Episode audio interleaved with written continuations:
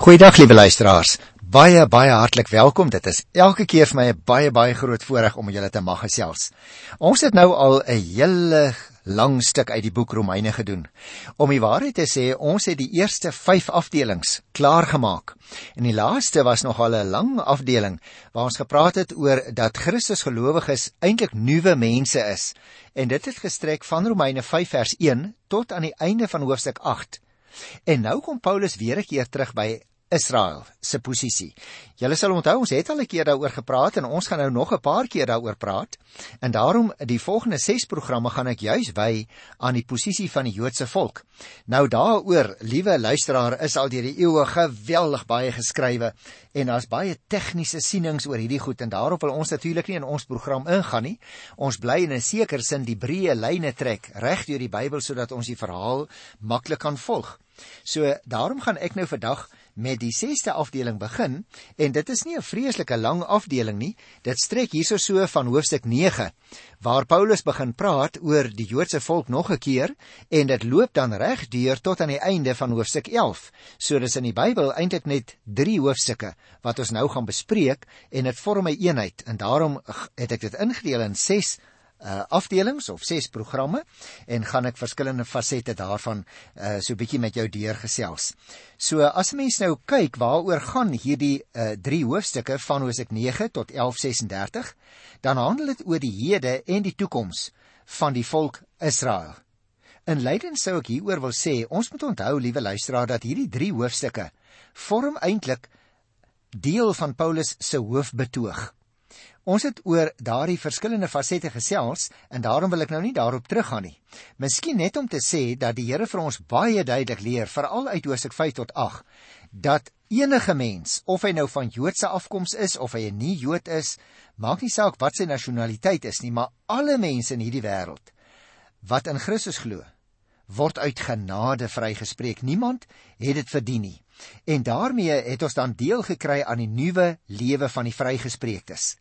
En nou hier van die 9 hoofstuk af bring die apostel nou die vraag baie spesifiek. Hy dryf dit as dit ware op die punt om te praat oor die posisie van Israel in hierdie nuwe bedeling. Het God nou sy ou ou verbondsvolk heeltemal afgeskryf of is daar vir hulle nog so klein deurtjie van hoop oop? En dit is waaroor dit eintlik handel.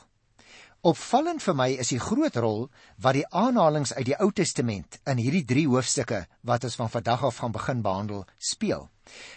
Opvallend, maar eintlik wil ek vir jou sê nie regtig vreemd nie, juis omdat dit hier om die volk Israel gaan. Nou ek wil eers net praat oor die eerste 18 verse in die 9de hoofstuk uh, in hierdie program vandag waar dit dan spesifiek handel oor God se verkiesing van Israel. Daar is 'n inleidende gedeelte, die eerste 5 versies, en daar lê nie net die probleem van Israel se posisie in die nuwe bedeling op die tafel nie, waarin die evangelie sonder onderskeid aan alle volke verkondig word. Maar hier word ook geworstel in vandag se gedeelte met die tragiek van Israel se verwerping van die evangelie. Met ander woorde, liewe luisteraar, dit is baie hartseer dat die mense wat eintlik die boodskap van die begin af gehoor het, omdat God met hulle begin het, hulle as volk as 'n bepaalde heel entiteit uitgekies het om sy openbaring aan hulle te gee dat hulle uiteindelik die evangelie verwerp het. Oor hierdie verwerping gaan ek ook volgende keer nog so 'n klein bietjie dieper insny sodat ons deeglik daaroor kan gesels. Goed, die eerste 5 versies van Romeine 9. Waaroor gaan dit? Weereens moet ons dit in verband sien met die vorige gedeeltes toe hy oor Israel gepraat het. Jy sal onthou daar by Hosea 3 vers 21 tot uh, Hosea 8 vers 39 het Paulus ook geskrywe oor die nuwe bedeling wat in Christus Jesus gekom het. Hy het daar ook aangetoon dat daar nou 'n nuwe volk van God is en dat die bevoordeelde posisie van die Joodse volk eintlik vir goed verby is. Die nuwe volk, sal jy onthou, is die Christusgelowiges wat dan saam geroep word en uitgekies word uit alle moontlike volke en tale en nasies. Dit gaan dus nie meer oor 'n bepaalde nasionaliteit wat die Godvolk is nie, maar dit gaan uit gelowiges uit alle verskillende volkere wat tot geloof in Christus kom, wat dan wat die Nuwe Testament noem die nuwe Israel. In hierdie gedeelte wat dan oor die drie hoofstukke handel, wil Paulus nou aandoon wat die posisie van die Joodse volk in hierdie nuwe bedeling is. Die apostel is dalk ook besig, lyk dit vir my luisteraar, om hom in 'n sekere sin te verweer teen mense wat sy houding teenoor sy eie volksgenote verdag probeer maak het. Hy besef dat as hy in diskrediet gebring word, die evangelie ook onder verdenking kom. En ek dink dit is 'n belangrike aspek om raak te sien in sy hele beredenering van die posisie van die Joodse volk, want jy sien liewe luisteraar, dit beteken dat ook vir jou en my wat tot geloof in Christus gekom het, dat ons in 'n sekere sin, mag ek dit so uitdruk, dat ons in 'n sekere sin ons spreekbeurt verloor as ons optrede die Christelike geloof tot skande maak. Dit beteken dat jy en ek ook in ons verhouding teenoor ander mense so moet optree. Die liefde van die Here moet deurgee in ons styl dat hulle aangetrek sal word en nie afgestoot sal word nie. Die Jode het byvoorbeeld vir Paulus baie leed aangedoen. Hy het onder andere, wil net vir jou 'n voorbeeld of twee noem, by geleentheid 5 keer 39 houe met 'n sweep of 'n karwats as jy wil van die Jode ontvang. Jy kan dit gaan nalees as jy wil in 2 Korintiërs 11 vers 24. En tog, en tog is hy in Christus oor hulle so besorg dat hy bereid is om sy eie lewe vir hulle te gee. Wat weer vir my ook 'n voorbeeld is van iemand wat werklik die saak van die Here Jesus so hoog stel dat hy nie geraak voel wanneer sy eie persoon te nagekom word nie. En jy en ek is dikwels tog so dunvellig. As iemand ons dalk net lyk asof hy ons te na wil kom, dan tree die ou mens na vore en dan verloor ons ons spreekbeurt en ons getuienis geleentheid teenoor daardie persoon eintlik maar volledig en dan het ons nie die saak van die Here eer aangedoen nie want in plaas van mense voortdurend nader te trek na die Here Jesus toe het ons daardie persoon dan afgestoot Kom ons kyk dan na die eerste vers by Romeine 9. In my verbondenheid met Christus. Nou, liewe luisteraar, hierdie hele betoog van die drie hoofstukke, luister hoe wonderlik begin hy dit. In my verbondenheid met Christus praat ek die waarheid. Ek lieg nie. En my gewete wat deur die Heilige Gees getuig word, getuig saam met my. Nou merk jy op luisteraar, op watter wat sal ek dit noem? Plegtige wyse eintlik beklemtoon Paulus die waarheid van die verklaring wat hy wil maak. Hy sê dit word deur die dubbele getuienis wat hy wil aflê self en tweedens sy gewete bevestig.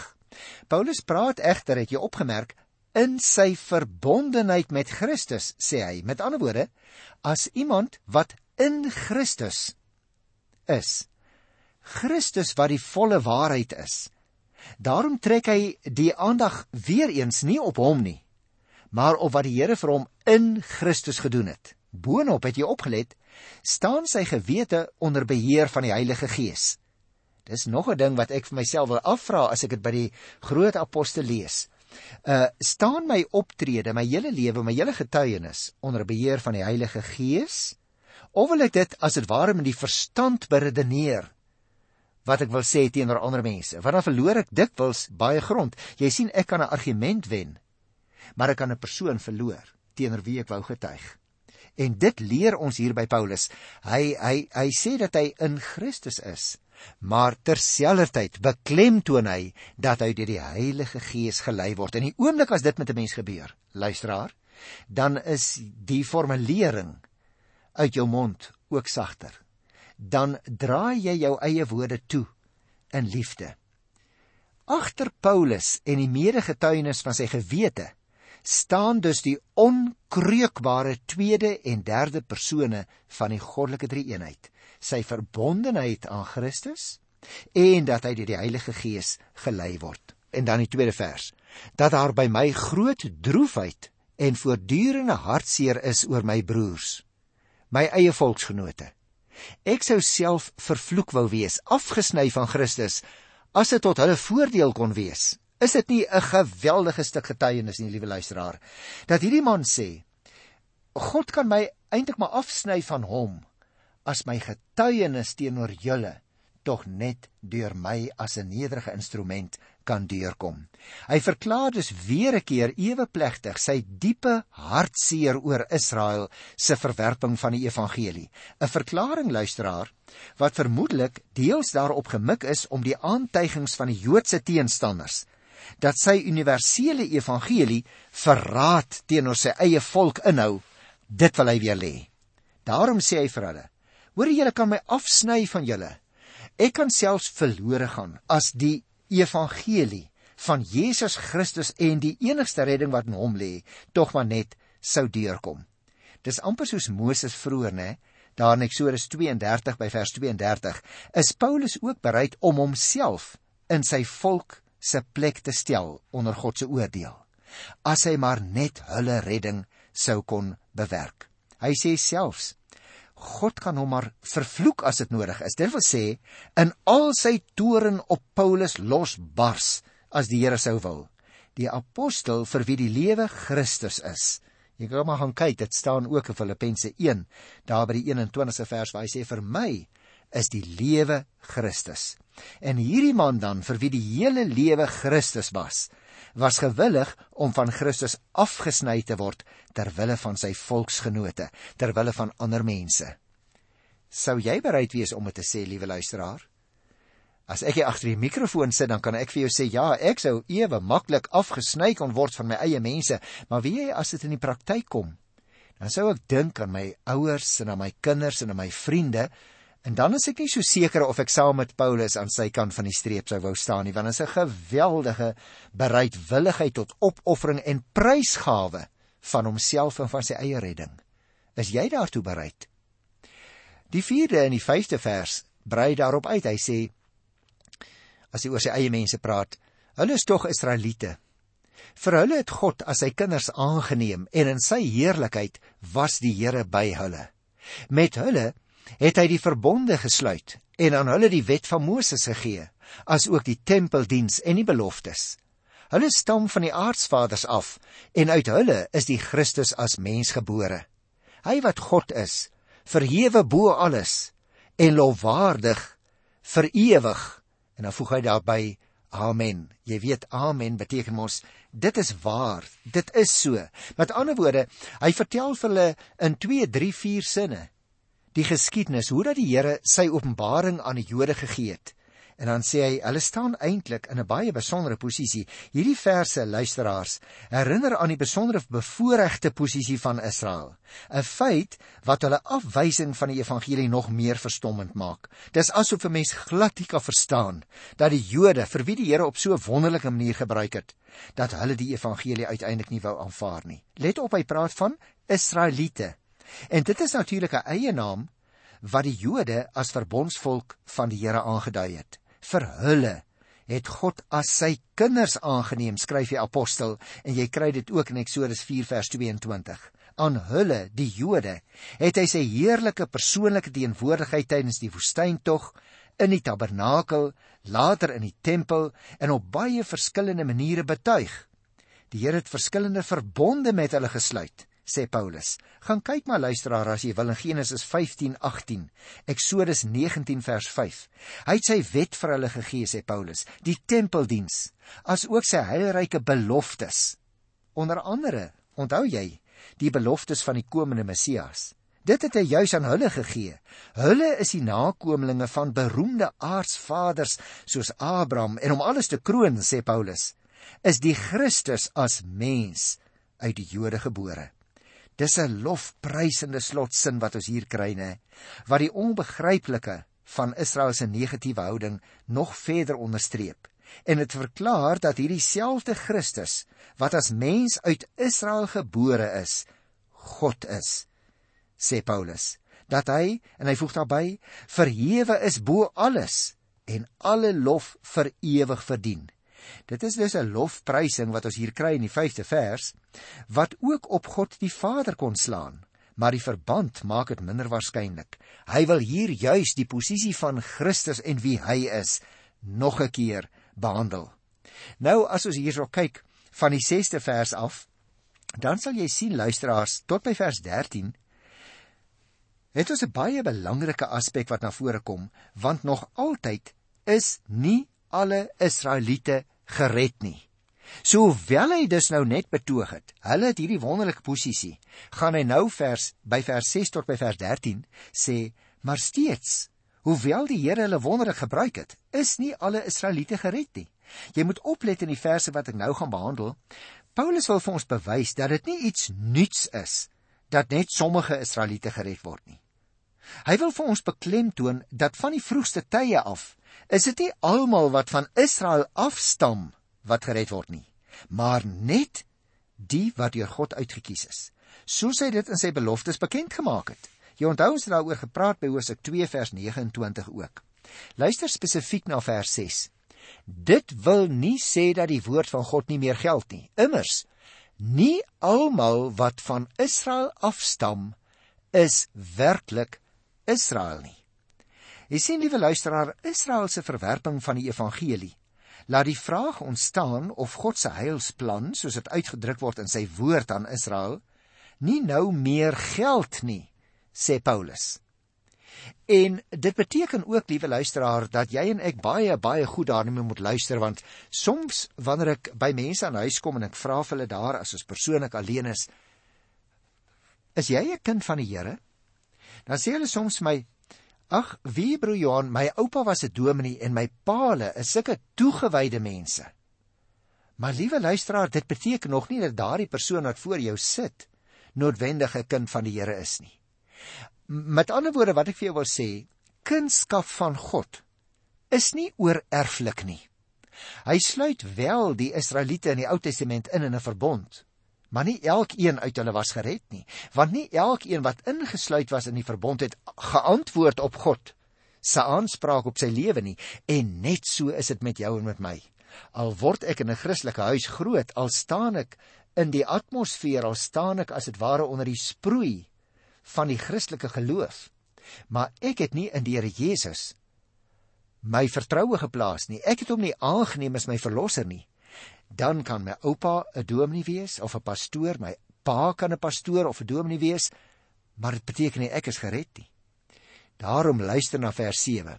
Nie almal wat nakommelinge van Abraham is, is werklik kinders van Abraham nie. Inteendeel, die belofte was uit Isak sal daar vir jou 'n nageslag kom. Met ander woorde, hier antwoord Paulus dat ons baie duidelik moet raak sien dat God in sy uitverkiesende handelinge selfs binne Israel 'n onderskeiding maak. So verkies hy byvoorbeeld Isak bo Ismael. Met ander woorde, en nou brei hy daar uit te vers 8 wanneer hy sê dit wil sê. Dan gaan hy voort. Dit is nie die kinders wat in die gewone gang van die lewe gebore is wat kinders van God is nie. Dit is die kinders wat kragtens die belofte van God gebore is wat as Abraham se nageslag gereken word. Die woorde en dan sê nou hier verder in vers 9 op die tyd dis die woorde waarna hy verwys op die tyd sal ek dit is God weer kom en dan sal Sara 'n seun hê. Dit sê Paulus was immers die belofte. Ons het die dus hier 'n beslissende uitdrukking dat nie fisieke afstammeling nie maar die belofte van God wat spesifiek aan Isak verbind is, deur ons baie ernstig geneem moet word. Luister by vers 11 tot by vers 13. En dis nog nie al nie. Rebekka was net een keer swanger deur ons voorvader Isak. Toe haar kinders nog nie gebore was nie en ook nog niks goeds of kwaads gedoen het nie, toe is al vir haar gesê: "Die oudste sal die jongste dien." Daar staan ook geskrywe en haal Paulus weer aan: Vir Jakob het ek liefgehad, maar vir Esau het ek gehaat. Die besluit van God is gegrond op uitverkiesing. Dit hang dus nie af van wat 'n mens doen nie, sê Paulus, maar van God wat jou roep. En die bedoeling, liewe luisteraar, met die aanhaling uit Maleagi by die eerste hoofstuk van die tweede vers af wat Paulus hier maak, is dat God Esau nie liefgehad het met dieselfde uitverkiesende liefde waarmee hy Jakob liefgehad het nie. Dit kom dus daarop neer dat die apostel sê: "Hoor hier, Rebekka se kinders, voordat hulle nog gebore is, het die Here al gesê: Die een se nageslag gaan ek my hand op lê en nie op die ander sinne nie." En liewe luisteraar, jy en ek kan dit nie regtig verstaan nie. Ek wil ook vir jou sê, ek is te 'n dom dominee om dit vir jou te kan verklaar. Al wat ek kan sê is, die redding van mense, sê Paulus hier duidelik, hang af van die uitverkiesende genade van God. Maar as jy nou na die radio luister en jy sê, "Bro Johan, ek glo in Jesus Christus, maar wie sê nou ek glo nie dalk verniet nie. Sê nou maar ek is nie uitverkies nie." wil ek jou dadelik op grond van die gesag van die Here se woord gerus stel. Jy kan nie in Christus glo as jy nie uitverkies is nie. Met ander woorde, die belydenis dat Jesus die Here van jou lewe is, dit is die bewys dat jy uitverkies is. Jy sien, net so verkies God byvoorbeeld op vrymagtige wyse skryf Paulus vir Jakob bo Esau. Hy gebruik 'n sterk woord hier, naamlik haat. Dat hy vir Esau haat. Nou haat beteken in die Bybel meermaal minder lief hê of nie lief hê nie. Die ware Israel van God, liewe luisteraar, dit wil sê, die ware lede van God se verbondsvolk word uitsluitlik deur God bepaal. Dit gaan dus nie om wat 'n mens doen nie, maar om hom wat in sy uitverkiesne genade die mens roep. En nou kan jy sê, maar ek is ook nog nie geroep nie, dan wil ek dadelik vir jou sê, maar hierdie program oor die radio is vandag 'n roepstem tot jou waarop jy moet antwoord. En as jy nie die aanbod van die Here aanvaar om in Christus te glo nie, dan is jy geroep, liewe luisteraar, en kan jy nie die Here verwyd en sê, maar ek is nie uitverkies nie. Jy word geroep en daarop kan jy antwoord en as jy positief antwoord, dan is dit die bewys jy is uitverkies. Nou ek gaan bietjie vinniger oor die laaste paar versies hier van Hoofstuk 14 af, want hier verduidelik Paulus nog 'n keer God is God en daarom kan hy nie onregverdig wees nie. Jy kan nie verniet glo nie as ek dit so mag uitdruk, liewe luisteraar. Jy kan nie 'n fout maak wanneer jy glo nie. Want jy sal nie glo as die Here nie sy hand op jou lewe gelê het nie. Paulus beklemtoon hier in vers 14 tot 18 dat God volkome vrymagtig is en as hy gesê het as jy in sy seun glo, dan hou hy woord. Anders sou hy onregverdig wees. En die Here is nie onregverdig nie, betoog die apostel. Op ander plekke in die Bybel wys Paulus ook weer baie duidelik op die verantwoordelikheid van die mens. Maar hier gaan dit vir hom daaroor dat jy en ek moet verstaan. Hy wil juis beklemtoon dat God God is. Liewe luisteraar, ons moet nie wonder of God dalk onregverdig is nie, maar eerder op ons hoede wees om God nie in ons menslike verstand se ou skemaatjies te wil indruk nie. Die Here openbaar in die Bybel twee dinge te gelyk. Nommer 1. Hy ontferm hom oor wie hy hom wil ontferm en hy verhard wie hy wil verhard. Jy sal die gedagte ook kry. Ons het daaroor gepraat by die 8ste hoofstuk vers 18. Maar tweedens, God skep vir jou en vir my ruimte om vir hom te kies of teen hom te kies. Paulus het dit nou net verduidelik. Sonder dat die keuse met sy wil bots. Daarom het ek vir jou gesê, as jy kies om 'n Christus te glo, dan hoef jy nie bang te wees jy's nie uitverkies nie, want jy sou nie kies om hom te glo as jy nie uitverkies was nie. Vir jou en vir my logika klink dit soms 'n bietjie teenstrydig, maar dit is wat die Here oor hierdie aangeleentheid bekend maak in die Bybel. Daarom liewe luisteraar, moenie dat dit vir jou gaan oor sy onregverdigheid teenoor die mens nie, maar oor ons onregverdigheid teenoor hom as ons nie kies nie. Moenie die Here verwyd dat hy ander nie uitverkies nie. Dank hom dat hy jou wel sy kind gemaak het en bly daarvan getuig. Dit is waartoe hy geroep het. Ek lees dan hierdie laaste versies dat ons dit net mooi kan hoor hier by Romeine 9 van die 14de vers af. Wat moet ons hieruit aflei? Dat God onregverdig is? Beslis nie. Vir Moses het hy dan gesê, ek sal barmhartig wees oor wie ek barmhartig wil wees en ek sal my ontferm oor wie ek my wil ontferm. Dit hang dus nie af nie, sê die apostel in die 16de vers, van 'n mens se wil of strewe nie, maar van God wat barmhartig is. In die skrif gaan Paulus voort, sê God immers vir die farao, juis hiervoor het ek jou teen my in opstand laat kom dat ek in jou my krag kan toon en dat my naam oor die hele aarde verkondig kan word. En nou kom hy by sy eenvoudige gevolgtrekking in vers 18. Dit is dus inderdaad so dat God hom ontferm oor wie hy wil en dat hy verhard wie hy wil.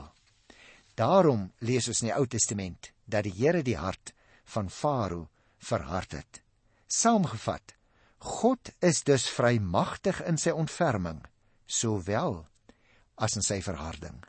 Liewe luisteraar, as jy dus vandag sê ek glo met my hele hart glo ek in Jesus Christus as my persoonlike saligmaker, dan kan jy rustig wees. Dan is jy uitverkies. Maar wie wat? Die Here wil vir jou en vir my gebruik as 'n instrument teenoor ander mense wat ook uitverkies is, maar wat miskien nog net nie die beslissing gemaak het nie. Hy wil jou en my getuienis gebruik om hulle na hom toe te trek. Wat 'n wonderlike voorreg. Ek groet jou in die naam van die Here, Jesus Christus. Tot volgende keer. Totsiens.